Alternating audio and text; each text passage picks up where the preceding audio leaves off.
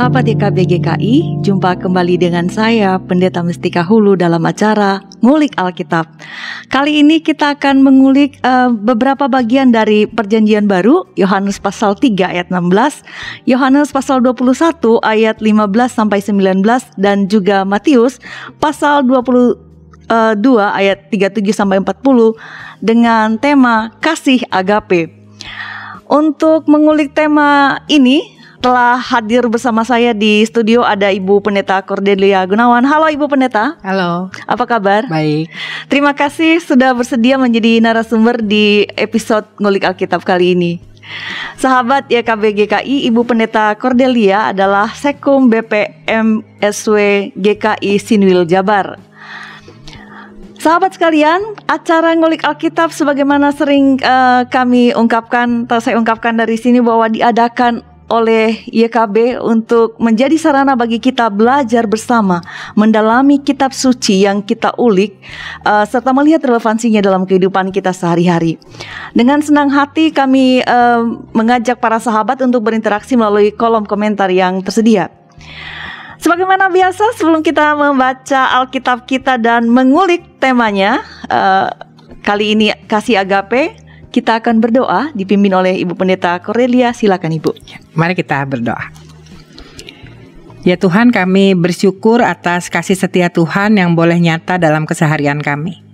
Kami bersyukur kalau kami masih diberikan kesempatan untuk kembali memperdalam mengenai kasih yang sehari-hari kami rasakan dan sehari-hari kami dengar.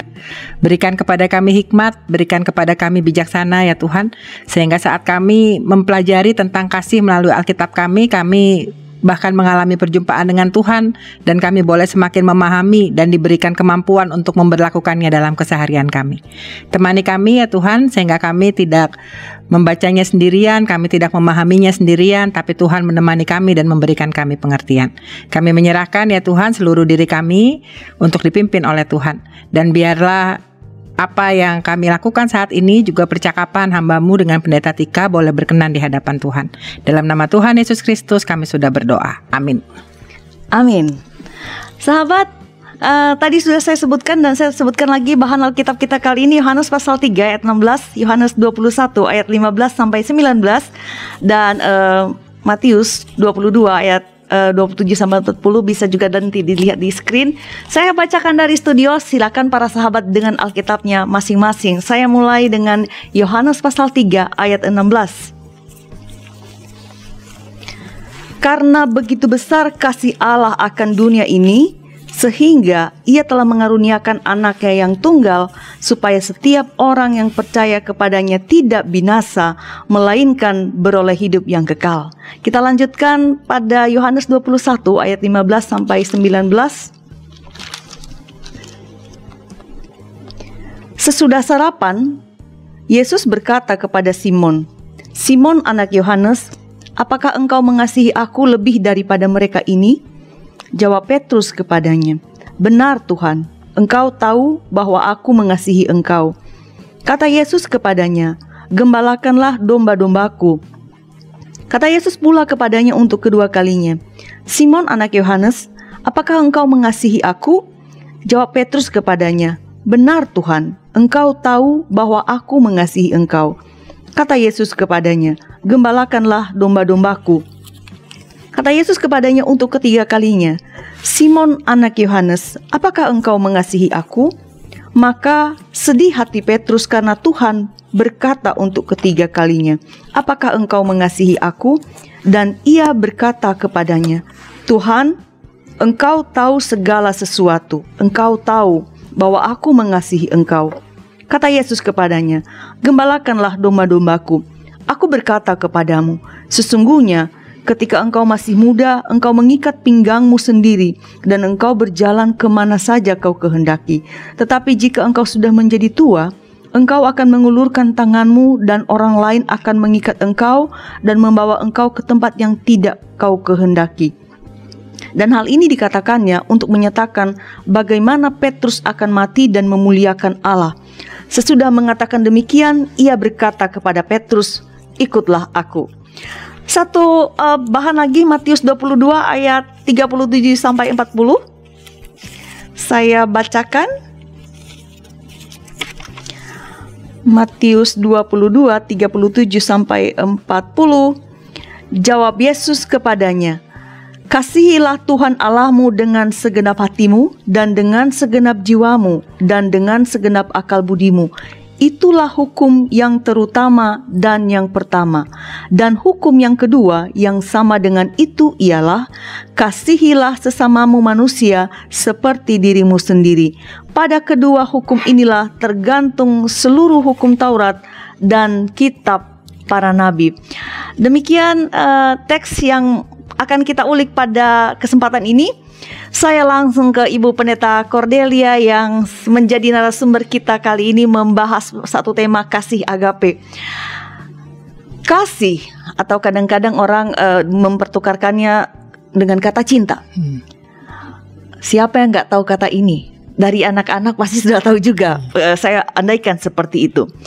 Hanya satu kata kasih atau cinta tetapi memiliki makna yang sangat dalam dan itu bisa juga menjadi sangat powerful ketika itu dirasakan oleh orang misalnya dicintai begitu.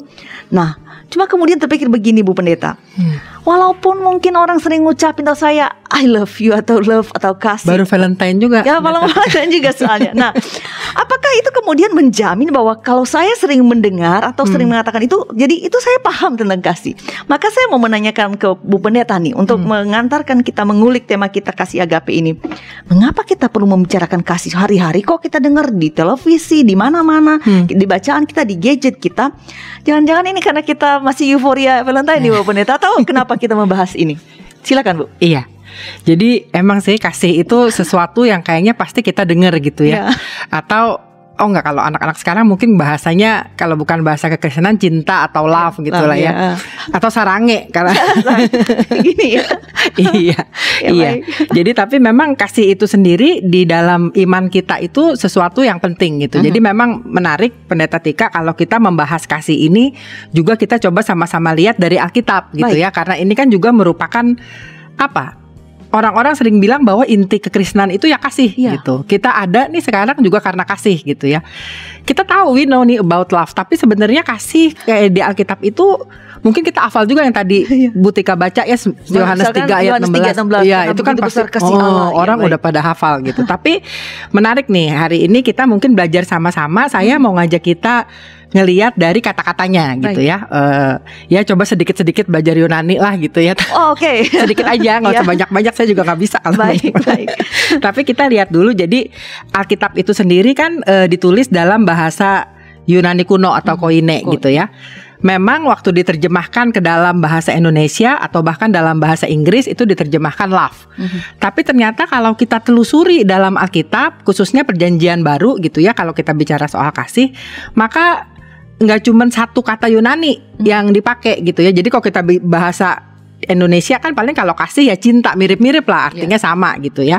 Tapi saat ini kita akan sama-sama lihat bahwa ada tiga uh, kata dalam bahasa Yunani yang hmm. digunakan dalam Alkitab untuk merepresentasikan atau diterjemahkan dengan kata kasih hmm, gitu ya. Baik.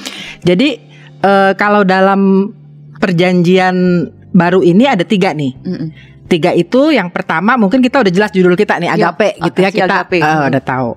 Nah, uh, yang berikutnya adalah kasih filia.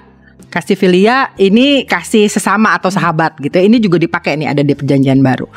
Yang ketiga itu kasih storge. Ini kasih antar keluarga. Gitu. Ya. Sebenarnya ada jenis kasih. Jadi orang suka bilang jenis kasih ini ada empat. Yang hmm. satu lagi pendeta Tika ingat nih pasti kasih eros. eros ya. Hanya memang dalam perjanjian baru nggak ada eros. Hmm. Gitu ya kata-kata eros itu sendiri nggak ada. Tapi orang sering bilang bahwa eros ini derive dari perjanjian lama gitu. Di, di mengerti walaupun perjanjian lama bukan katanya eros. Jadi kata eros itu sendiri sendiri nggak ada. Hmm. Tapi yang kita bahas, udah deh kita jangan menyusahkan diri dengan empat gitu, kita tiga aja. tiga aja ya. iya. Jadi kita akan Baik. lihat dari dari situ tuh, Butika. Oke. Okay. Okay. Uh, Baik. Jadi ada tiga uh, dari empat yang umum kita dengar begitu ya. Saya ulang lagi tadi yang disampaikan Ibu Pendeta ada kasih agape, filia, storge dan eros. Hmm. Uh, mungkin terinspirasi dari Kidung Agung walaupun dia disebut mungkin ya. Uh, itu tebakan saya. Nah, dari tiga yang kita mau spesifik melihat ini agape, filia dan storge, Ibu Ibu Pendeta, kita akan akan memfokuskan uh, dan kita mulai atau yang pertama kita ulik yang mana dari tiga yang Ibu sebutkan barusan. Iya, saya mau mengajak kita kita lihat lagi sama-sama Pendeta Tika dari. Yohanes 21 yang tadi Pendeta Yohanes Tika 21, udah baik. baca untuk kita gitu ya. Nah, di Yohanes 21 ayat 15 sampai 19. Itu kan kalau kita lihat dan ingat-ingat hmm. lagi, Yesus tuh nanya ke Simon Petrus, Petrus hmm. berapa kali? Tiga kali tiga tadi. kali ya tapi kalau kita ngelihat di terjemahan ini mm-hmm. maksudnya nggak sesuatu yang gimana gimana amat gitu mm. ya kalau kita lihat di ayat 15 coba iya. pendeta ya. Tika Baik. lihat lagi deh 15 saya baca kembali hmm. boleh saya baca kembali Yohanes pasal 21 ayat 15 Sesudah sarapan, Yesus berkata kepada Simon Petrus, "Simon anak Yohanes, apakah engkau mengasihi aku lebih daripada mereka ini?" Jawab Petrus kepadanya, "Benar Tuhan, engkau tahu bahwa aku mengasihi engkau." Kata Yesus kepadanya, "Gembalakanlah domba-dombaku." Iya. Nah, ini kalau kita lihat ya, pendeta Tika ini kan sama aja nih mengasihi mengasihi iya, gitu iya. kan bahasa Indonesia sama aja sama aja juga. gitu tapi kalau kita lihat dari bahasa Yunani-nya mm-hmm. jadi kata yang digunakan untuk menggambarkan pertanyaan Yesus kepada Simon Petrus itu kasihnya itu agape Baik. gitu ya jadi katanya itu uh, kata dasarnya uh, agapo nih jadi yang dipakai mm. adalah agape nih jenisnya mm. tapi yang menarik Petrus ngejawabnya bukan dengan kata agape gitu mm. tapi Petrus menjawabnya dengan kata uh, jadi pertanyaan itu kan agak pas gitu itu kata iya. tanya. Ini dari kata dasar agapo nih.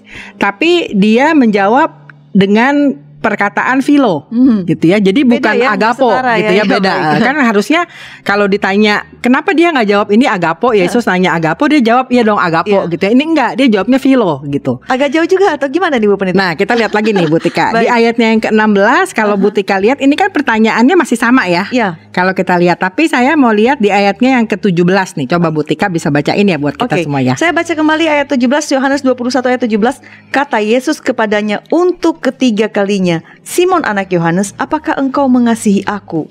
Maka sedih hati Petrus karena Yesus berkata untuk ketiga kalinya, apakah engkau mengasihi aku? Dan ia berkata kepadanya, Tuhan, engkau tahu segala sesuatu, engkau tahu bahwa aku mengasihi engkau, Kata Yesus kepadanya, gembalakanlah domba-dombaku. Nah, ini yang menarik lagi nih. Jadi kan Yesus tanya tiga kali ya. Hmm.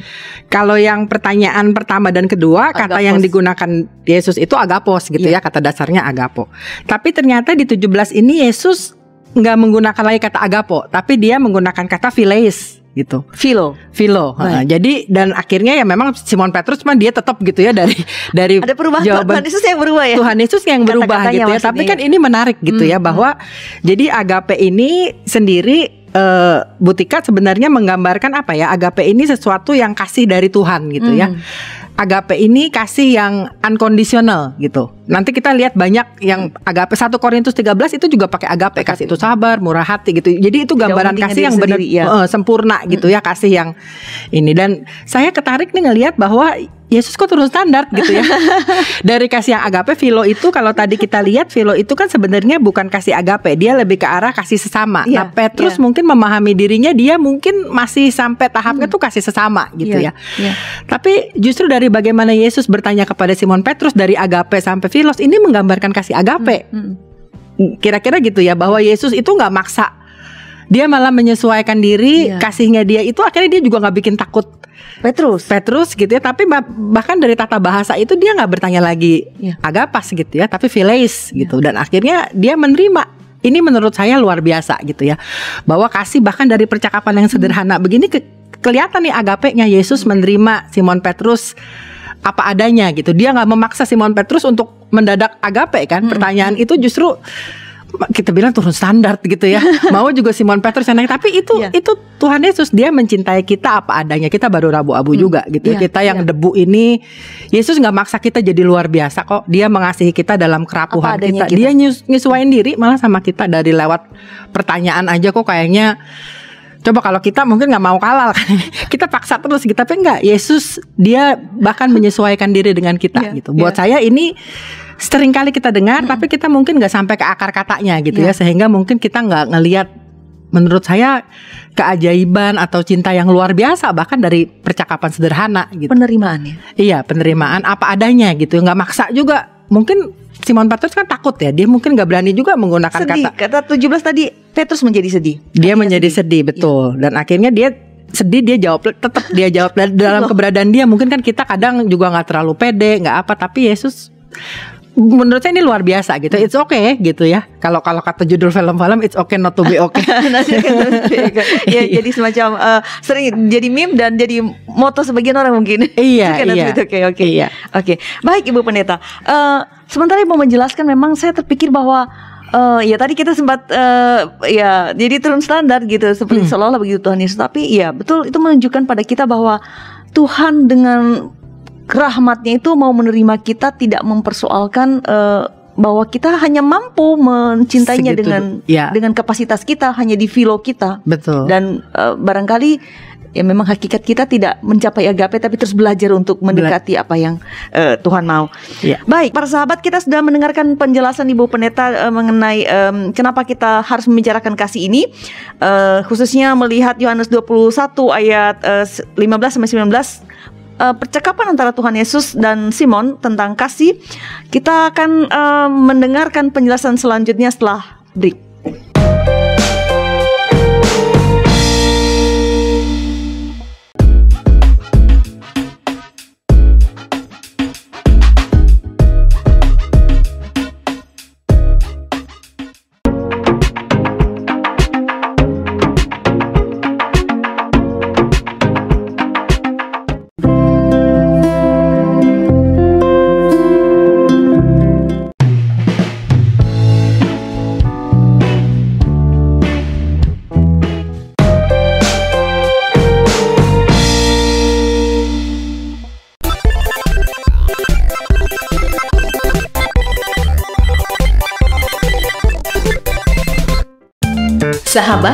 Mari dukung pelayanan dan pekabaran Injil melalui YKB dengan membagikan link acara ini kepada sebanyak mungkin orang.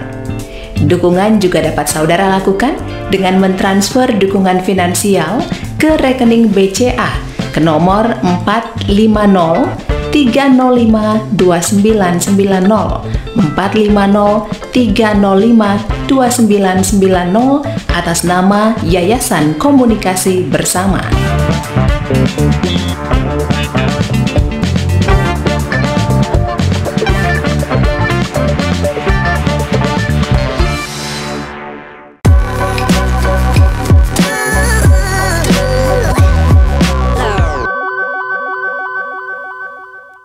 Sahabat masih bersama saya Pendeta Mestika Hulu dan masih juga bersama Ibu Pendeta Cornelia yang menjadi narasumber kita pada ngulik Alkitab kali ini dan tema kita sebagaimana tadi sudah disampaikan adalah kasih agape.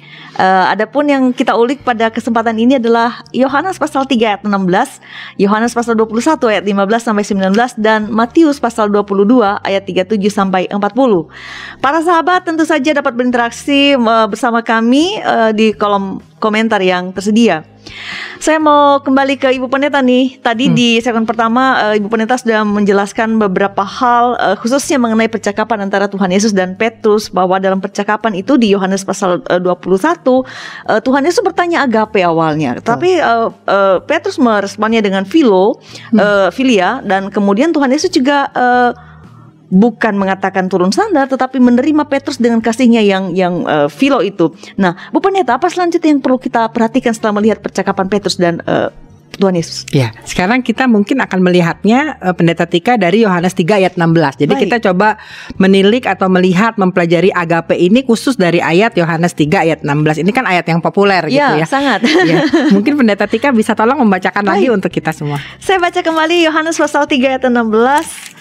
Karena begitu besar kasih Allah akan dunia ini, sehingga ia telah mengaruniakan anaknya yang tunggal, supaya setiap orang yang percaya kepadanya tidak binasa, melainkan beroleh hidup yang kekal. Iya. Menurut saya Butika di sini justru kelihatan jelas tentang hmm. agape ini gitu ya. hmm. ya. Jadi penggunaan di sini memang agapesen gitu ya. Memang ya. ini agape nih kata-katanya agapo dari kata dasarnya agapo. Tapi dari Yohanes 3 ayat 16 ini kalau kita baca nih kata per kata hmm. gitu ya karena begitu besar kasih Allah akan dunia ini sehingga ia telah mengaruniakan anaknya yang tunggal. Nah, menurut saya ini wujud konkret dari agape gitu ya. Jadi wujud konkret dari agape atau kasih Allah itu apa? Dia mengaruniakan anaknya yang tunggal gitu. -hmm. Baik. Kalau kita menghubungkan ini dengan Trinitas gitu ya, berarti kan Allah Bapa, Anak ini kan satu. Iya. Saat dia mengaruniakan anak yang tunggal berarti in the same point dia mengaruniakan diri dia sendiri gitu. Jadi kita lihat kasih agape itu kasih yang bahkan begitu besar kasih Allah akan dunia ini sehingga ia telah mengaruniakan anaknya yang tunggal gitu ya. Jadi dia apa? Dia memberikan dirinya gitu, mengorbankan dirinya gitu ya. Anaknya yang tunggal ya itu mengacu pada diri dia sendiri. Jadi bentuk bentuk konkret kasih agape kalau kita lihat di sini kalau Butika sendiri ngelihatnya gimana? Kalau ini kasih Allah gitu ya, terus Allah mengaruniakan dirinya. Kalau kita mengacu tritunggal berarti dia mengaruniakan anaknya yang tunggal gitu kan.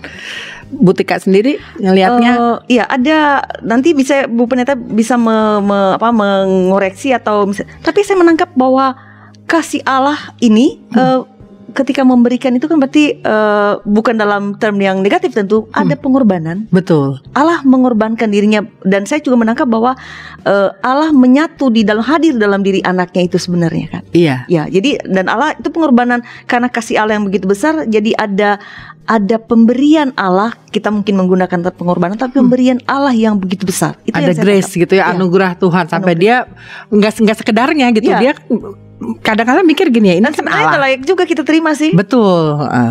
Dan ini kan juga sebenarnya ini Allah ya. Dia bisa apa ya? Dia bisa punya cara lain untuk nunjukin kasihnya nggak usah sampai Dunia aja dengan sabda bisa tercipta. Iya betul. Kenapa ini nggak nggak dengan sabda aja gitu saya mengampuni kamu terus gitu udah kan. Tapi ini nggak gitu ya kasih Iya. atau saya mengasihi kamu terus udah tapi ini nggak karena kasihnya begitu besar kasih Allah ia mengaruniakan anak yang tunggal. Kalau kita lanjut lagi kan supaya setiap orang yang percaya kepadanya tidak binasa melainkan beroleh hidup yang kekal. Jadi tadi benar pendeta Tika bilang bahwa ini ada pengorbanan nih di sana gitu ya pengorbanan yang sedemikian besar. Tapi kalau kita lihat lagi juga pengorbanan itu dilakukan untuk apa? Kalau ini kan supaya setiap orang yang percaya kepadanya tidak binasa, melainkan beroleh hidup yang kekal. Jadi sebenarnya yang harusnya binasa kan Kita kita. Tapi Allah menggantikan kita, Dia- memberikan. Iya. benar, dia memberikan dirinya, dia replace gitu ya. Dia malah benar-benar ngegantiin harusnya kita yang binasa, kita yang mati gitu. Tapi toh akhirnya malah bukan kita yang mati, tapi malah Tuhan. Tuhan yang mati gitu ya. Menurut saya ini juga kalau kita lihat lagi nih dari Yohanes 3 ayat 16 ini kita lihat lagi pelan-pelan maka agape ini sebenarnya tergambarkan dari satu ayat ini gitu ya. Bahwa jadi yang dimaksud dengan agape itu apa sih?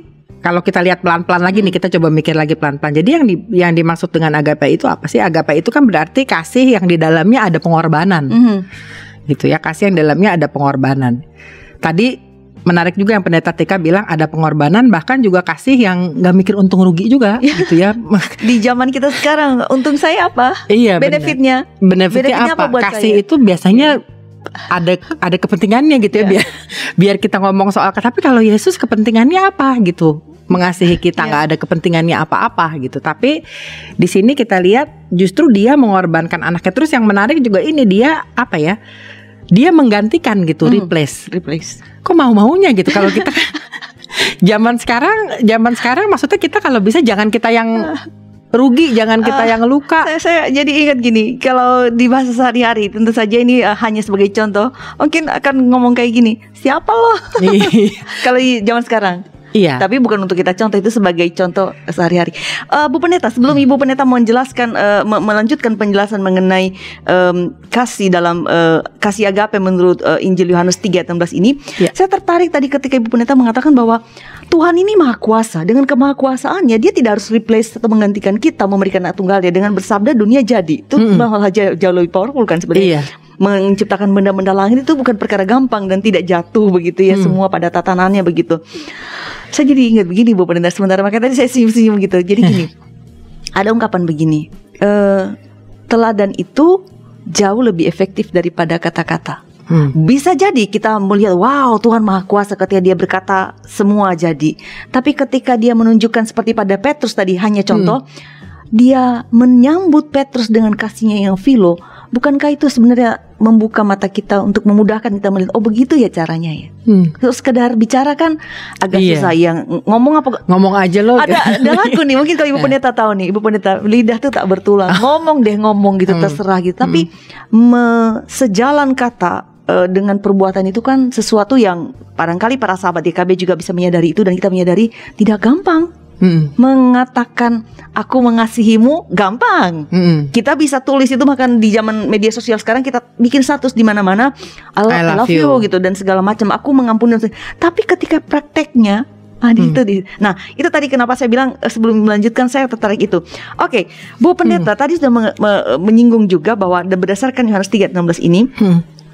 Bahwa Allah itu mengor- memberikan anak tunggalnya dalam kata yang lain tapi bukan dalam term yang negatif tentu saja Iya. bahwa Allah berkorban eh, mengorbankan dirinya untuk replace untuk menggantikan kita harusnya kan kita yang dihukum nih Betul. harusnya kita yang mati yang dicambuk yang disalib itu kan Hmm. mestinya begitu dalam Hmm. teologi kita tapi Tuhan menggantikan kita nah saya terpikir begini nih Bu Pendeta Moga-moga juga para sahabat memikirkan ini Kalau yang nerima kasihnya Bu Pendeta saya sih ya saya senang Saya gembira begitu Kalau zaman Hmm. sekarang saya bikin status Oh saya terimain dari Bu Pendeta Kordel Karena saya mendapat grace Saya Hmm. mendapat anugerah atau gift begitu Tapi ketika saya yang disuruh Hmm. berkorban Memaafkan mengam- Hal yang sederhana dulu sehari-hari Hmm. Memaafkan, mengampuni Accept orang yang berbeda dengan kita Hmm. warna kulit atau berbeda sedikit politik di Indonesia katakanlah begitu atau berbeda denominasi begitu Hmm. Kan kita biasanya nggak mau Hmm. kan seperti itu nah bagaimana kita melihat kasih Allah dalam Yohanes 3 ayat 16 ini Hmm. eh, yang menyelamatkan ini Hmm. kemudian juga eh, dapat kita maknakan dalam hidup kita supaya kita nggak hanya mendengar tapi benar-benar juga belajar Tuhan berkorban untuk kita maka apa yang kita lakukan Bu Pendeta Iya.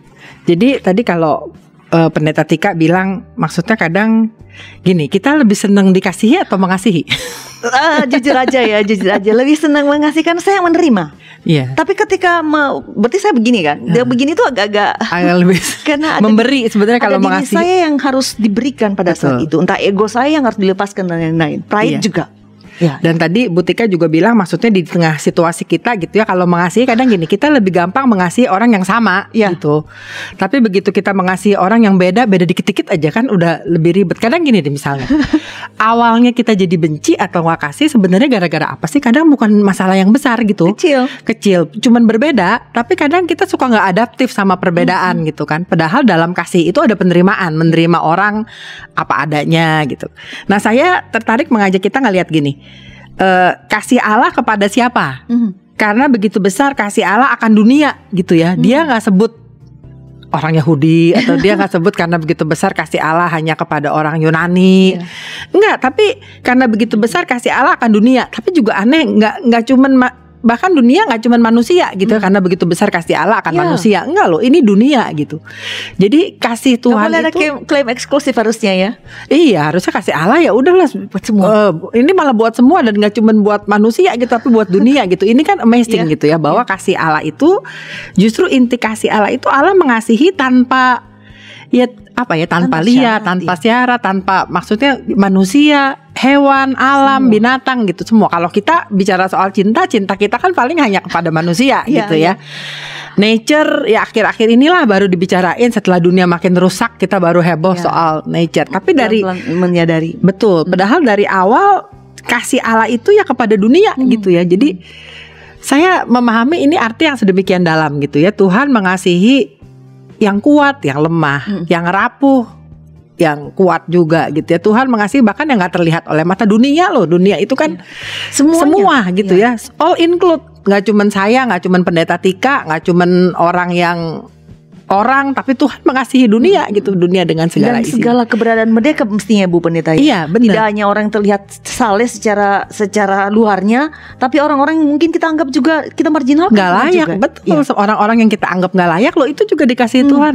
God love the world gitu. Nggak cuman God love you and me God love the human Iya. tapi dia love The world. the world gitu ya. Berarti dia kita kan nggak bisa milih lu bukan di dunia di dun- dunia kan penumpangnya kan cuman kita Iya. gitu tapi Yesus mengasihi dunia dan dia apa dia mengaruniakan anak yang tunggal gitu. Jadi kasihnya itu kasih kepada dunia Hmm, gitu ya. Tapi dia memang mereplace, dia menggantikan orang-orang yang seharusnya mati gitu untuk beroleh hidup Wah, Bu kekal. Pendeta itu bagi saya sangat menarik. Eh, terus terang ketika Ibu Pendeta menjelaskan bahwa kasih Allah kepada the world, dunia gitu, bagi semua nggak ada perbedaan. Jadi bagi saya itu eh, sebuah ajakan, undangan dan keteladanan untuk kita juga mencintai orang lain. Betul. Tanpa bukannya orang Tanpa lain sih. sekat, tanpa- Eh, bukannya semua. orang lain maksud saya, tapi semua kadang-kadang kita menganggap ya ada semacam klaim-klaim bahwa eh, manusia lah yang paling diberkati, manusia Iya. lah yang yang yang paling tinggi derajatnya dan lain-lain. Tapi eh somehow saya ketika Ibu Penita menjelaskan ini saya seperti di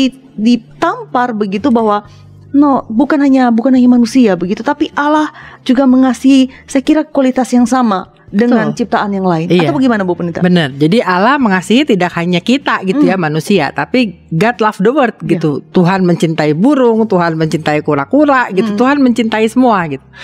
Kenapa saya ngomong gini? Misalnya gini, karena kala kita kan nggak berpikir bahwa kebiasaan kita mematikan mematikan alam gitu Betul. ya. Kita nggak berpikir bahwa sedotan plastik yang kita pakai Ya. ternyata membuat kura-kura tersedak gitu. Ya. Atau misalnya sampah-sampah plastik kita di di perut paus eh, Betul. well begitu. Tali masker, Ya. Butika kalau nggak digunting konon bisa membuat burung-burung Ya, terjerat dan terus mati gitu ya. Ini dan menurut saya ini apa memaknai ulang iman kita Hmm. gitu bahwa kalau kita mengatakan kita dikasih oleh Tuhan, Tuhan gak cuma mengasihi kita Hmm. loh, Tuhan mengasihi seluruh dunia gitu. Jadi saya mau mengingatkan ini dengan Bu Pendeta. Kita baru saja eh, dua hari lalu melewati Valentine. Biasanya kita berpikir bahwa ini tentang partner gitu. Jadi barangkali eh, kita bisa Hmm. Tentang balon. dalam Terus- dalam konteks ini juga ya Bu Iya. Pendeta bahwa kasih kita sekarang kalau bicara tentang Valentine sekarang bukan bicara tentang relationship romantic relationship. Gimana Bu? Iya, menurut saya bahkan kalau bicara soal Valentine dari segi kita udah dikasih Tuhan dan Tuhan mengasihi dunia, harusnya nggak dunia nggak cuma milik berdua gitu kan. Yang lain kontrak. Iya, harusnya semua bahkan binatang-binatang. Ya maksudnya itu sih. Jadi kita melihat bahwa seluruh ciptaan. seluruh ciptaan. Jadi sehingga kekristenan juga menjadi sebuah apa? Sebuah iman yang eh, welcome terhadap Hmm. alam. Dia nggak menyiksa nature gitu. Tapi Iya. justru bagian dari kekristenan adalah kasih yang juga tidak hanya kepada manusia Hmm. tapi kasih kepada seluruh dunia. living in har- harmony. Betul. Dan kepada dan semua gitu ya alam. Saya tertarik juga karena kayaknya kalau bagian-bagian alam ini juga belum mendapat tempat yang Belum mendapat perhatian yang cukup. betul. Nah, barangkali di, di sini Ibu Pendeta juga nanti bisa bisa me- menjelaskan korelasi bahwa ketika kita bicara tentang kasih agape ini, ini bukan hanya bicara tentang sesama atau hanya tentang Tuhan karena kalau Tuhan mencintai semua, berarti kita juga ha- harus Mencintai terbuka semua. mencintai semua. Oke, Bu Pendeta. Apa selanjutnya yang setelah kita melihat eh, bahwa apa em, Allah ini menyelamatkan termasuk kosmos, apa yang pada bagian ini perlu kita lihat atau di highlight oleh para eh, pemirsa? Iya, jadi saya mau mengajak kita meng-highlight begini. Yohanes pasal 3 ayat 16 selalu digunakan untuk keselamatan. Mhm.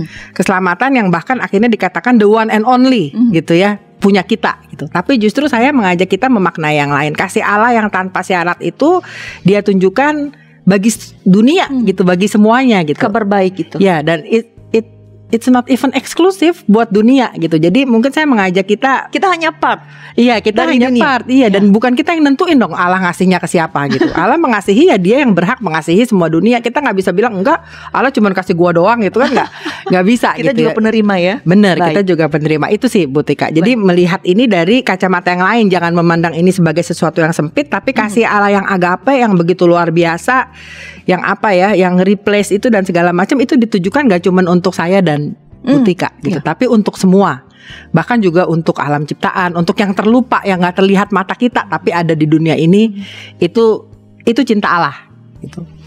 Baik. Eh, pada bagian terakhir ini saya kira eh, kita diajak untuk dibuka matanya begitu bahwa eh, kita Allah mengasihi seluruh dunia. Itu sebuah cinta yang terbuka untuk semua. Dan kita manusia yang selan- sering mengklaim diri sebagai yang tertinggi di antara yang lain adalah part dari kasih itu. Iya. Bagi saya itu menjadi sebuah pengingat di kali ini kesempatan ini bahwa saya perlu menempatkan diri saya dalam rahmat Tuhan bukan yang menjudge orang lain Betul. atau makhluk yang lain. Iya. Oke. Eh, mungkin dengan kata lain ini mau mengatakan Bu Pendeta, kita hidup karena kasih Allah. Ya. Karena Allah mengasihi kita Yohanes 3:16 tadi, Hmm. Allah memberi anaknya berkorban bagi kita. Karena itulah kita mendapatkan kesempatan untuk hidup dengan seperti adanya kita sekarang dalam Betul. masa eh, dalam rahmat dalam anugerah. Mengetahui saja tadi di awal pertanyaan saya ke Bu Pendeta, kenapa kita harus bicara tentang eh, kasih? Kita udah tahu sehari-hari kita ngucapin, kita ngomongin, kita Hmm. nyanyiin tiap hari gitu di mana every single day kita nyanyiin. Nah, selanjutnya nih Bu Pendeta, bagaimana kita memaknai kasih Allah yang berkorban itu dan itu sekaligus berdampak dalam kehidupan kita dan relasi dan orang lain dan sesama. Penjelasan Ibu Pendeta disimpan dulu, kita Ya. lanjutkan setelah pesan-pesan berikut ini.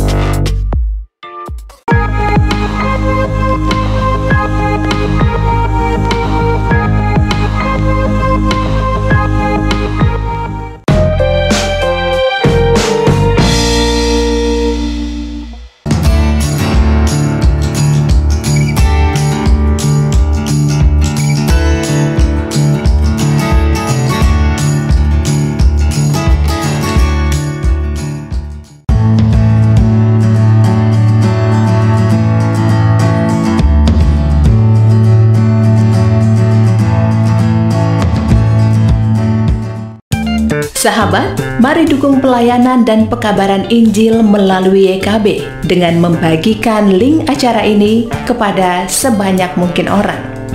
Dukungan juga dapat saudara lakukan dengan mentransfer dukungan finansial ke rekening BCA ke nomor 450 305 2990 450 305 2990 atas nama Yayasan Komunikasi Bersama.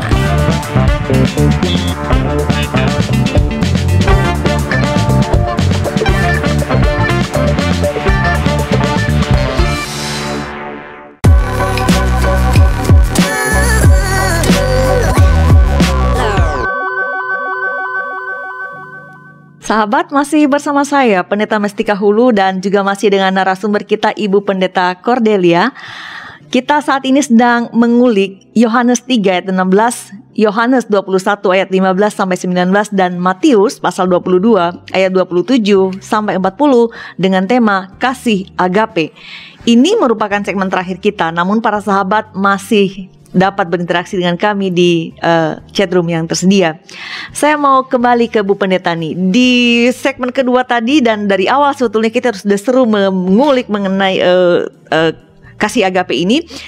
Uh, khusus di, di segmen kedua tadi Ibu Pendeta menjelaskan bahwa kasih Allah itu karena kasihnya pada kita berdasarkan uh, tadi Yohanes 3:16 Allah replace kita yang harusnya me mengalami um, katakanlah hukuman seperti itu tapi Allah memberikan anak tunggalnya. Dengan perkataan lain bahwa kasih Allah itu berkorban itulah yang menghidupkan kita atau menjadi alasan kita hidup. Nah Ibu Pendeta bagaimana kemudian kasih Allah yang berkorban yang menghidupkan kita ini? Para sahabat saya juga dapat memaknainya dan menerapkannya dalam kehidupan saya sehari-hari. Hmm, iya. Jadi pertama kita mesti ingat dulu nih bahwa hmm. sebenarnya kita ini orang yang berhutang gitu. Pernah punya Baik. hutang nggak? kalau utang, ya? iya. Kalau utang kan harusnya kita rasa gitu ya, ya bahwa betul. kita punya hutang gitu. Apalagi ya. terus kalau kita tahu, misalnya nggak cuma hutang uang ya, hutang ya. kebaikan. Ada orang yang melakukan kebaikan ke kita, apalagi Bersyukur. kita nih ya di ya. timur kita mungkin nggak enak hatinya dibawa ke ke mana-mana iya ke mana-mana gitu kita nggak akan nggak enak ya. hati terus tapi Betul. pertanyaannya ya apakah perasaan itu ada dalam hubungan kita dengan Tuhan gitu. Mm-hmm. Apakah kita merasa bahwa saya nih hutang banyak sama Tuhan gitu ya kalau bukan karena Tuhan yang memberikan kehidupan, memberikan mm. kasih saya nggak nggak akan begini gitu. Kadang-kadang itu enggak tuh gitu ya. Itu terlalu jauh gitu ya. Kita mungkin nggak mikir. Cuman yeah. hari ini mungkin kita perlu lagi mengingat bahwa Butika dan saya nih orang-orang yang berhutang, orang-orang yang seharusnya uh, apa ya di di mati dibunuh karena dosa-dosa kita hmm. gitu binasa tapi justru tergantikan hmm. oleh Tuhan gitu dia nggak cuma tergantikan dia dia mati yeah. beneran gitu yeah. kan ini yeah. ya kita dalam masa rabu-abu juga hmm. ya masa Persiapan menyambut pasca, dan lain ya. sebagainya dan kita mesti mengingat nih hakikat kita ini kita ini orang-orang berhutang dan kita nggak akan bisa membayar lunas hutang kita kepada Tuhan gitu. Ya. Nah, pertanyaan saya nih, kalau kita hutang sedemikian besar gitu ya sama orang, tadi Butika sempat bilang sih, jadi kita ngerasanya gimana? Nggak enak tapi terus jadi merasa Kalau punya hutang besar ya, saya merasa pertama mungkin eh, pasti ada rasa syukur sih bahwa orang tersebut mau memberikan kepercayaan pada saya, mau mengutangi saya Hmm. eh, dan kemudian mempercayai saya bahwa saya mau bayar. Itu kalau manusia gitu. Iya. Pada sisi lain juga kalau ketemu dia mungkin saya malu kali ya karena ini orang gegayaan Udah gitu di baik. media sosial banyak utangnya gitu. Eh, tapi bagaimanapun eh, saya pikir ada aspek syukur tapi ada artinya itu mau dan rasa malu dan artian gini saya mau menempatkan diri secara baik. Saya lo punya utang sama dia gitu. Betul. Jadi saya mau menempatkan diri dengan baik supaya eh, apa yang saya terima itu menyenangkan hatinya. Paling nggak begitu. Iya, jadi ada syukur tapi juga ada dalam arti kata apa ya kesadaran bahwa kita nih Diutangi. Tapi, iya, tapi di satu sisi nih misalnya ya, kita udah dihutangin segitu banyak sama Tuhan. tapi sering kali kan kita ke orang lain malah kita bikin orang lain apa ya maksudnya inget cerita Iya, iya, perumpamaan bukan, yang iya. orang punya utang Tidak tidak punya apa ya belas kasih pada yang lain. betul. Nah maksudnya kita diampunin gitu ya sama Tuhan Kita malah dikasih grace anugerah yang ini Tapi ke orang lain kita malah Gak mau. nggak mau gitu Nggak Jadi mau ngasih pengampunan. dan sering kali berarti omong kosong gitu ya. Iya. Padahal sebenarnya kalau kita adalah orang-orang yang udah ngerasa kasih sedemikian Hmm. rupa dikasih sedemikian rupa oleh Tuhan, kita nggak layak, tapi Tuhan mengasihi kita kita aja senang luar biasa gitu Iya. ya. Harusnya rasa apa ya? Rasa yang kita alami itu menghidupkan kita untuk memberlakukan itu ke orang lain gitu dong ya. Kalau Hmm. kita mengaku Kristen, kita uh mohon ampun sama Tuhan, kita mengucap syukur karena diampuni Tuhan, tapi kita nggak mau ngampunin orang, itu kan omong kosong gitu ya. Iya. Kalau ki- kita dikasihi oleh Tuhan, dia berkorban luar biasa, tapi kita sendiri kasih tapi do not even mau bergerak Iya. gitu. Kita masih di zona nyaman kita ya. Itu tadi yang di di di segmen pertama kalau saya tidak salah ingat bahwa ketika eh, Tuhan eh, Tuhan Yesus menerima kasihnya kasihnya Petrus tadi kan. Hmm. Jadi bahwa Tuhan menunjukkan keteladanan. Jadi Betul. kita sudah menerima sekarang di di segmen terakhir ini saya bicara bahwa Tuhan mengasihi kita begitu besar, tetapi kita kita diampuni Tuhan, kita diberikan kehidupan yang baru begitu, kesempatan Hmm. untuk hidup lagi yang lebih baik. Kita nggak mau kasih kesempatan orang hidup, itu memang agak menyedihkan. Menyedihkan. Nah, kita bisa lihat dari Matius 22 Bu Tika. Baik. Minta tolong Bu Tika bacain lagi ya Matius 22 37 sampai Baik. 40. Matius 22 ayat 37 eh, sampai 40 saya baca kembali. Jawab Yesus kepadanya, "Kasihilah Tuhan Allahmu dengan segenap hatimu dan dengan segenap jiwamu dan dengan segenap akal budimu." Itulah hukum yang terutama dan yang pertama. Dan hukum yang kedua yang sama dengan itu ialah kasihilah sesamamu manusia seperti dirimu sendiri.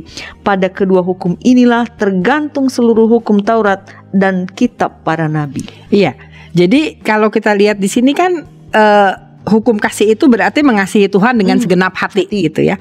A- saya mau balik lagi ke kata-kata yang dipakai nih. Jadi kata yang dipakai itu eh, agape seis gitu ya, bahwa ini mengasihi Tuhan dengan katanya ini agape, agape seis. Jadi men- mencintai Tuhan juga bukan berarti mencintai yang apa, yang hitung-hitungan juga gitu. Kadang hitung-hitungan juga gini nih, misalnya saya saya kan udah kasih Tuhan begini gitu ya, Mas kasih persembahan nih iya. Tuhan. kasih waktu Tuhan kasih nih. lebih besar dong gitu. Jadi kayak mancing ikan gitu. Ya. Transaksional. Transaksional Iya. bener Atau misalnya saya apa saya udah pelayanan sedemikian Hmm. rupa saya udah jadi orang baik sedemikian rupa Pastinya saya diberkati dong. betul dan kita kan sering sering begitu Iya. ya padahal sebenarnya kalau ini kasihilah Tuhan Allahmu. Ini saya nggak lihat sampai segenap hati jiwa nggak saya mau lihat kata-katanya Hmm. nih kasihilah Tuhan Allahmu dengan kata agape seis berarti mengasihi Tuhan juga ada unsur berkorban juga. Dia udah berkorban untuk kita masa kita hitung-hitungan dia udah berkorban kita minta lagi gitu ya. Tapi itu yang terjadi loh dalam hidup kita. Hmm. Sering. sering misalnya ya saat saya dan kadang-kadang udah aneh gitu ya. Ada ini, why why bad things happen to good people Ya, gitu ya ada ada kalanya kita udah mengalami pergumulan iya kesulitan. ada orang yang udah sedemikian rupa gitu tapi kan pertanyaannya begitu itu itu terjadi dalam hidup kita pertanyaan kita pasti why Iya. kenapa Tuhan gitu kita Dan kadang-kadang why me? Iya, kenapa saya dan di situ kan kita meragukan juga cinta Tuhan gitu ya. Kok kok begitu gitu. Tapi apa ya? Cuman eh, pertama saya mau ngingetin di sini bahwa mencintai Tuhan ada kerelaan juga untuk ya keluar dari zona nyaman gitu. Keluar dari zona nyaman berarti apa? Membiarkan sesuatu yang tidak kita pahami. Ada hal-hal yang kita memang nggak bisa pahami. Ini kalau dari segi eh, kasihilah Tuhan Allahmu dengan segenap hatimu gitu ya. Tapi yang menarik juga eh, Butika kalau kita lihat di ayat 39 gitu ya. Di ayat 39 itu kan hukum Yang kedua. Ya, hukum yang kedua yang sama kasih mengasihi sesama gitu ya. Dan menarik kata yang dipakai juga ag agape. Jadi mengasihi sesama itu sekali lagi saya nggak hubungin dulu sama kata selanjutnya seperti dirimu sendiri tapi mengasihi kata agape ses ini kan berarti mengasihi dalam format pertama seperti kasih Tuhan kepada Kualitasnya kita. sama ya? Betul. Dan kualitas yang bukan sekedar storge, filia gitu tapi agak ya ada ke- keberanian untuk berkorban, keberanian untuk mencintai tanpa syarat, unconditional dan itu nggak cuma ke Tuhan. Itu mengasihi sesama gitu ya, setara.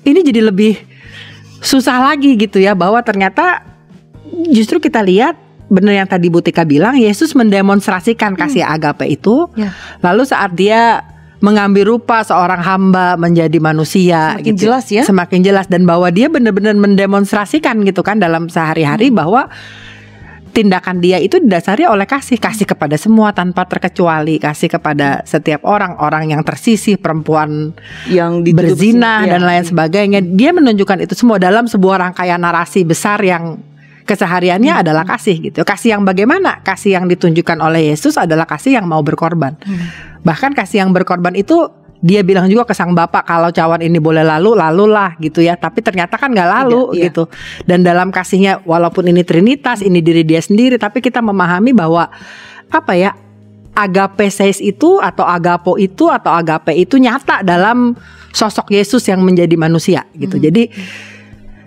dan itu mungkin gitu. Agape itu nggak dilakukan saat Yesus cuman ada di tahta dan jadi Allah.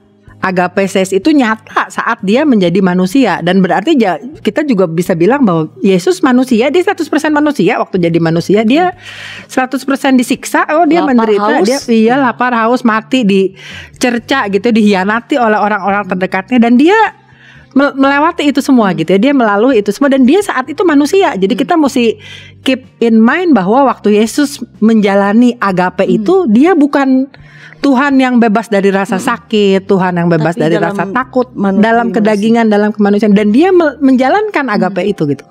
Jadi buat saya kalau dibilang agape itu milik Tuhan in some sense iya gitu. Tapi di satu sisi kita melihat ada 33 tahun di dunia. Di dunia anak manusia Yesus yang sungguh-sungguh menjelma jadi manusia dalam kedagingannya dalam kesakitannya dalam ketakutannya dia mencintai tanpa syarat. Gitu. ini kan ini yang menurut saya luar biasa ya. Jadi iman Kristen itu bukan omong kosong gitu, nggak cuma teori gitu, nggak kaleng-kaleng kalau kata Iya benar nggak kaleng-kaleng. Iya, jadi benar-benar sesuatu yang benar. gitu ya. Jadi kan kita kalau bicara soal kasih, Yesus waktu jadi manusia dia menyatakan itu semua gitu.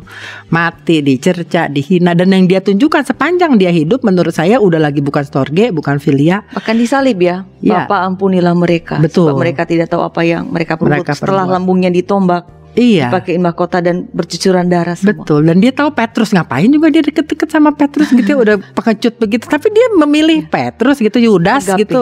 Betul karena kasih agape. Jadi menurut saya sih ini eh apa ya benar-benar sesuatu yang menggigit saat kita melihat gitu ya bahwa bagaimana agape ini didemonstrasikan oleh Hmm. Tuhan gitu ya. Agape ini nyata banget dalam hidup Yesus dan amazing lah gitu ya ini luar biasa Iya. bahwa kita mendapatkan kasih yang sedemikian itu sih Bu Tika. baik, Eh, Bu Pendeta, eh, saya mungkin terlihat sedikit serius mendengar Ibu Pendeta eh, menyampaikan penjelasan barusan, bukan karena tidak paham, tapi eh, justru ketika Ibu menjelaskan itu, saya mencoba pada saat yang sama merenungkan apa yang saya lakukan dalam kehidupan saya, bahwa Hmm. em, ya mengasihi itu agape. Betul. Artinya kasih yang eh, unconditional gitu, eh, tidak ada syarat begitu. Hmm. Eh, bukan karena Tuhan memberi ini atau kamu memberi ini maka aku mengasihimu, tapi dikasihi karena itu eh, kasih itu dari kita bukan berdasarkan apa yang ada entah manusia atau alam di Hmm. luar kita. Saya kira Tuhan mencintai kita seperti bukan karena kita, tapi memang Dia berlimpah dengan Iya. cinta begitu. Kemudian yang terpikir kenapa saya agak serius mendengar Hmm. menyimak penjelasan Ibu Pendeta begini, bahwa kita sering mendengar itu bahkan saat ini, em, tapi kan tentu dalam pelaksanaan itu tidak mudah harus mengakui Ibu Pendeta. Betul. Penjelasan Ibu juga menampar saya beberapa kali dalam artian begini, iya ya, saya saya rasanya belum di kualitas itu. Hmm. Nah, eh, Matius 22 ayat 37 sampai eh, 40. 40. Tadi 40 di di di dikatakan bahwa hukum yang kedua setara dengan itu adalah mengasihi sesama manusia dengan agape seis, dengan Hmm. Agape yang sama dengan yang Iya. di 37 kasih pada Allah. Saya harus akui Bu Pendeta dan saya mudah-mudahan para pemirsa juga sahabat YKB bisa menyadari ini tidak mudah untuk mengasihi dengan agape. Saya harus mengaku itu secara rendah hati tidak mudah Iya. dan mungkin berkali-kali gagal. Nah, Allah berkorban, Allah memberi dirinya dan itu sekali lagi tidak mudah kita lakukan dalam daging kita yang juga Betul. punya banyak keinginan dan pertimbangan dan lain-lain. Jadi pertanyaan saya nih Bu Pendeta, karena kita diminta untuk menunjukkan kualitas kasih yang sama agape sis kepada sesama kita, dimulai dari keluarga kita kali ya, orang tua, partner eh, suami istri anak-anak kita, rekan kerja kita, orang gereja kita. Bu Pendeta, bisakah kita melakukan ini? Jadi iya kalau saya bilang sih gini ya. eh saya bilang bisa gitu ya, Iya. bisa dalam arti kata berproses sih Iya, gitu ya. Iya, iya. Eh, Ibu Teresa pernah bilang Hmm. cinta itu baru cinta kalau love Until- it iya. hurts gitu. Itu mungkin bahasa sederhananya gitu. Jadi saya pikir di di satu sisi ya di mana-mana kita pernah juga melihat kasih agape. Hmm. Misalnya kasih seorang ibu yang begitu mencintai anaknya gitu ya bahkan eh, ada ibu yang rela mati juga kok untuk anaknya dalam arti kata eh, apa ya dia Berjuang, benar-benar ya, berjuang ya. untuk ada ada ada cerita nih Butika yang menyentuh gitu ya, ilustrasi bahwa seorang ibu yang di kedinginan itu Mhm. dia bawa eh, bayinya gitu ya tapi akhirnya di tengah-tengah musim yang sangat dingin itu dia memberikan seluruh bajunya membungkus bayinya itu akhirnya dia yang mati kedinginan gitu ya. Jadi menurut saya di sana sini kalau kita melihat ada agape ya, ada kasih yang mau berkorban walaupun memang ya mungkin sesuatu yang yang jarang gitu ya, tapi ada gitu. Bahkan mungkin kita juga tanpa kita sadari kita dikasih luar biasa loh oleh orang tua kita gitu ya. Saya sedang mengingat orang tua saya ketika Ibu Pendeta menjelaskan itu. Ganti nangis nih. Oh jangan. jangan jangan. Eh, saya cuma mau menyambung sedikit cerita itu bahwa jauh setelah saya dewasa saya baru memahami. Saya selalu takjub. Kenapa dulu papa saya kalau pergi ke mana-mana Hmm. dia selalu membawa pulang makanan yang seharusnya dimakan di tempat dia pergi. Ah, Mungkin saya baru memiliki kesadaran ketika saya kuliah dan itu sudah teks lebih dari 20 tahun. Bukan karena papa saya tidak lapar tampaknya, Ya. tapi dia temu karena saya anak bungsu. Saya rasa dia mau, mem- mau menunjukkan cintanya pada saya dan Betul. jauh hari puluhan tahun kemudian, ehm, kayaknya saya tidak wise sekali atau mungkin saya bodoh waktu itu memikir apa papa saya itu nggak lapar makanya dibawa pulang. Iya. Sekarang saya menyadari dan sementara ibu pendeta menjelaskan itu saya mengingat tampaknya itu pengorbanan eh, dalam Betul. artian kasih papa saya kepada Benar. saya waktu itu. Dan menurut saya ini yang mungkin kita miss juga ya gitu ya. Kita sering kali miss gitu bahwa kasih agape ini sesuatu yang kita pandang begitu besar Ya, begitu ini tapi spektakuler. bener. Tapi padahal orang kita ini ada ini rada lebay, tapi Ya. kita ini ada karena cinta orang-orang di sekitar kita Ya. gitu. dan pengorbanan yang juga diberikan oleh orang-orang sekitar kita gitu. Ibu Pendeta sungguh eh, sebuah eh, episode yang sangat menarik ya membahas tentang tema kasih ini. Memang saya kira eh, tadi Bu Pendeta juga mengatakan juga bahwa kita hidup karena kasih. Jadi kalau bicara tentang kasih memang banyak sekali hal yang yang eh, yang bisa kita bincangkan. Namun bagaimanapun waktu membatasi kita dan untuk mengakhiri ini dalam tema kasih agape ini hal apa yang ingin ibu tekankan untuk di di apa namanya disimak atau dipahami oleh para sahabat YKB para pemirsa ngulik Alkitab yang menonton malam hari ini. Eh, tentu kita juga masih dalam konteks masih angkat-angkat dong ya. Ini Valentine baru dua hari lalu dan kita masuk Rabu Abu mempersiapkan diri juga memasuki Prapaskah. Di sini kan ungkapan cinta Allah yang begitu luar biasa. tadi kita sudah baca dalam dalam eh, Yohanes 3:16 karena kasih yang besar dia datang ke dunia apa Bu Pendeta yang hendak disampaikan kepada para sahabat YKB pemirsa ngulik Alkitab supaya apa yang kita bincangkan kali ini menjadi juga sesuatu yang memotivasi mereka untuk bisa menerapkan kasih yang barusan kita baca bahas dalam Matius tadi. Agape seis juga hadir dalam kehidupan mereka dimulai dari yang terdekat, keluarga barangkali. Silakan Iya. Bu. Jadi saya mau mengajak kita untuk melihat begini bahwa kita ada karena kita dikasihi sedemikian rupa oleh Tuhan gitu ya. Bahwa kasih yang membuat kita ada ini adalah kasih yang berkorban agape itu. Itu yang mesti kita ingat dan berarti kita adalah orang-orang yang yang nggak layak. Kita nih nggak layak dicinta, tapi kita dicintai luar biasa. Nah kalau itu ada, kita memelihara apa ketakjuban, kekaguman, ungkapan syukur kita karena saya nggak layak ini dikasihi luar biasa. Tapi di dalam ketakjuban itu maka mari juga menyatakan cinta kita tidak hanya kepada sesama, hmm. tapi cinta kita kepada dunia gitu karena Tuhan juga mencintai dunia gitu. Jadi dimulai dengan hal-hal yang sederhana sehingga kasih Tuhan yang luar biasa yang menghidupkan kita kita hidupkan lagi dalam keseharian kita baik kepada sesama maupun kepada alam ciptaan ya. kita di seluruh dunia dan juga melihat dan mengingat bahwa dalam kehidupan kita kasih Tuhan itu nyata dalam diri orang-orang di sekitar kita yang mengasihi kita. Dan mari bersyukur karena itu gitu ya. Seringkali kan kita mungkin kita lupa bersyukur atas kasih orang tua kita, kita hmm. lupa bersyukur kasih pasangan kita. Ya, Kebanyakan lihat medsos, ngelihat medsos orang lain kita dibuatin dibuatin kopi sarapan tiap hari itu sebenarnya luar biasa sekali. Luar ya. biasa, ya. tapi banyak hal setiap hari itu luar biasa banyak pengorbanan yang dilakukan oleh orang-orang di sekitar ya? kita, tapi kita menganggap sepele. Take padahal kasih, ya, ya hmm. padahal kasih itu kan saat seorang melangkah keluar dari zona nyaman itu kasih dan hmm. dia melakukannya untuk kita. Itu sih, Bu Tika. Baik.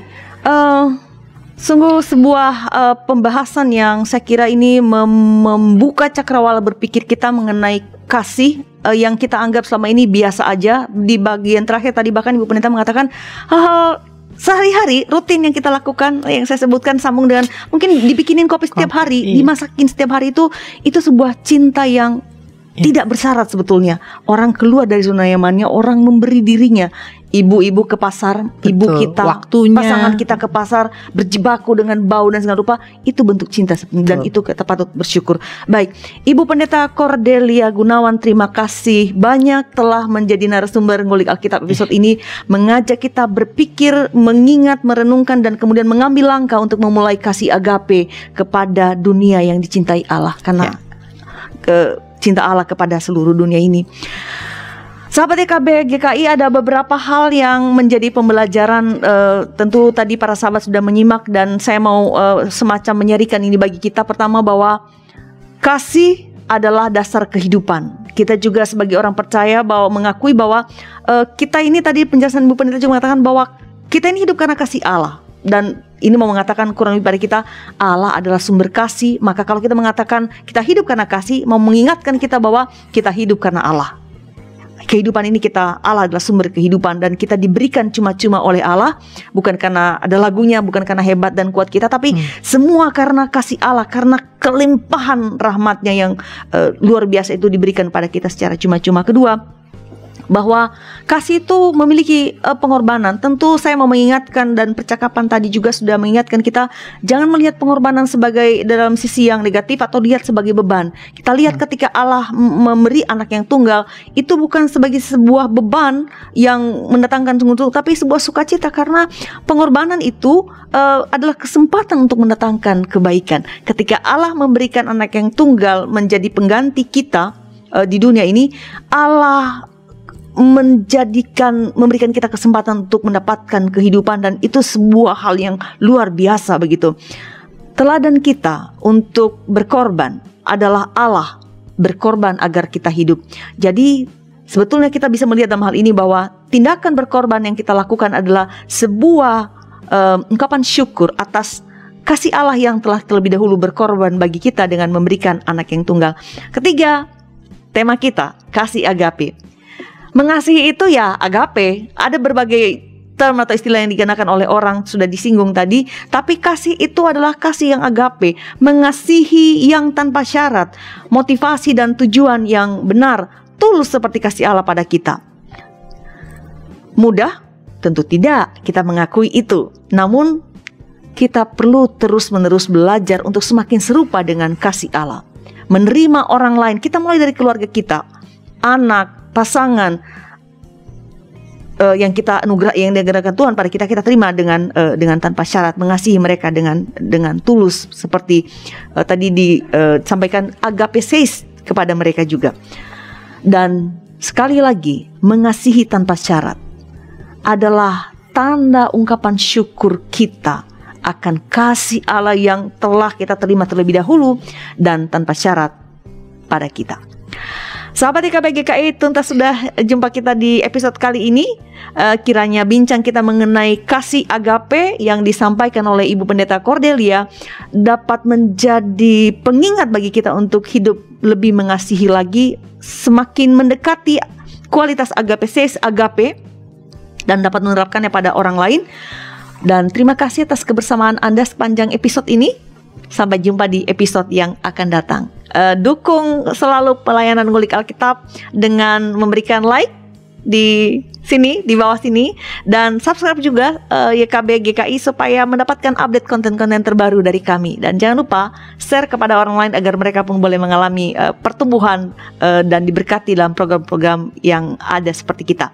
Doa penutup akan dibawakan oleh Ibu Pendeta Cordelia. Silakan Ibu. Ya, mari kita berdoa. Ya Tuhan kami mengucap syukur kalau kali ini melalui program ngulik Alkitab kami boleh kembali diingatkan tentang kasih Tuhan yang sedemikian besar kepada kami. Kami boleh kembali diingatkan bahwa kami bukanlah siapa-siapa namun Tuhan sedemikian mengasihi kami. Dan biarlah di dalam ungkapan syukur kami karena kami yang tidak layak ini dikasihi sedemikian rupa oleh Tuhan kami juga boleh belajar terus mengasihi Tuhan tanpa syarat. Kami boleh belajar mengasihi orang-orang di sekitar kami juga tanpa syarat. Dan biarlah kami tidak hanya mementingkan diri kami sendiri sendiri. Dan terlebih dari itu, ajarlah kami membuka dan melihat kehidupan kami bahwa di dalam kehidupan kami ada banyak cinta yang sudah Tuhan anugerahkan dalam hidup kami. Tidak hanya cinta Tuhan tapi juga cinta orang-orang di sekitar kami. Dan biarlah kami menghargai setiap cinta yang Tuhan hadirkan dalam hidup kami dan kami kembali mengingat bahwa kami selalu dicintai oleh Tuhan dan dicintai oleh orang-orang di sekitar kami. Dan biarlah itu cukup untuk kami mengucap syukur dan terus mencinta dalam hidup kami. Dalam nama Tuhan Yesus Kristus juru selamat kami yang hidup, kami menyerahkan seluruh kehidupan kami. Amin.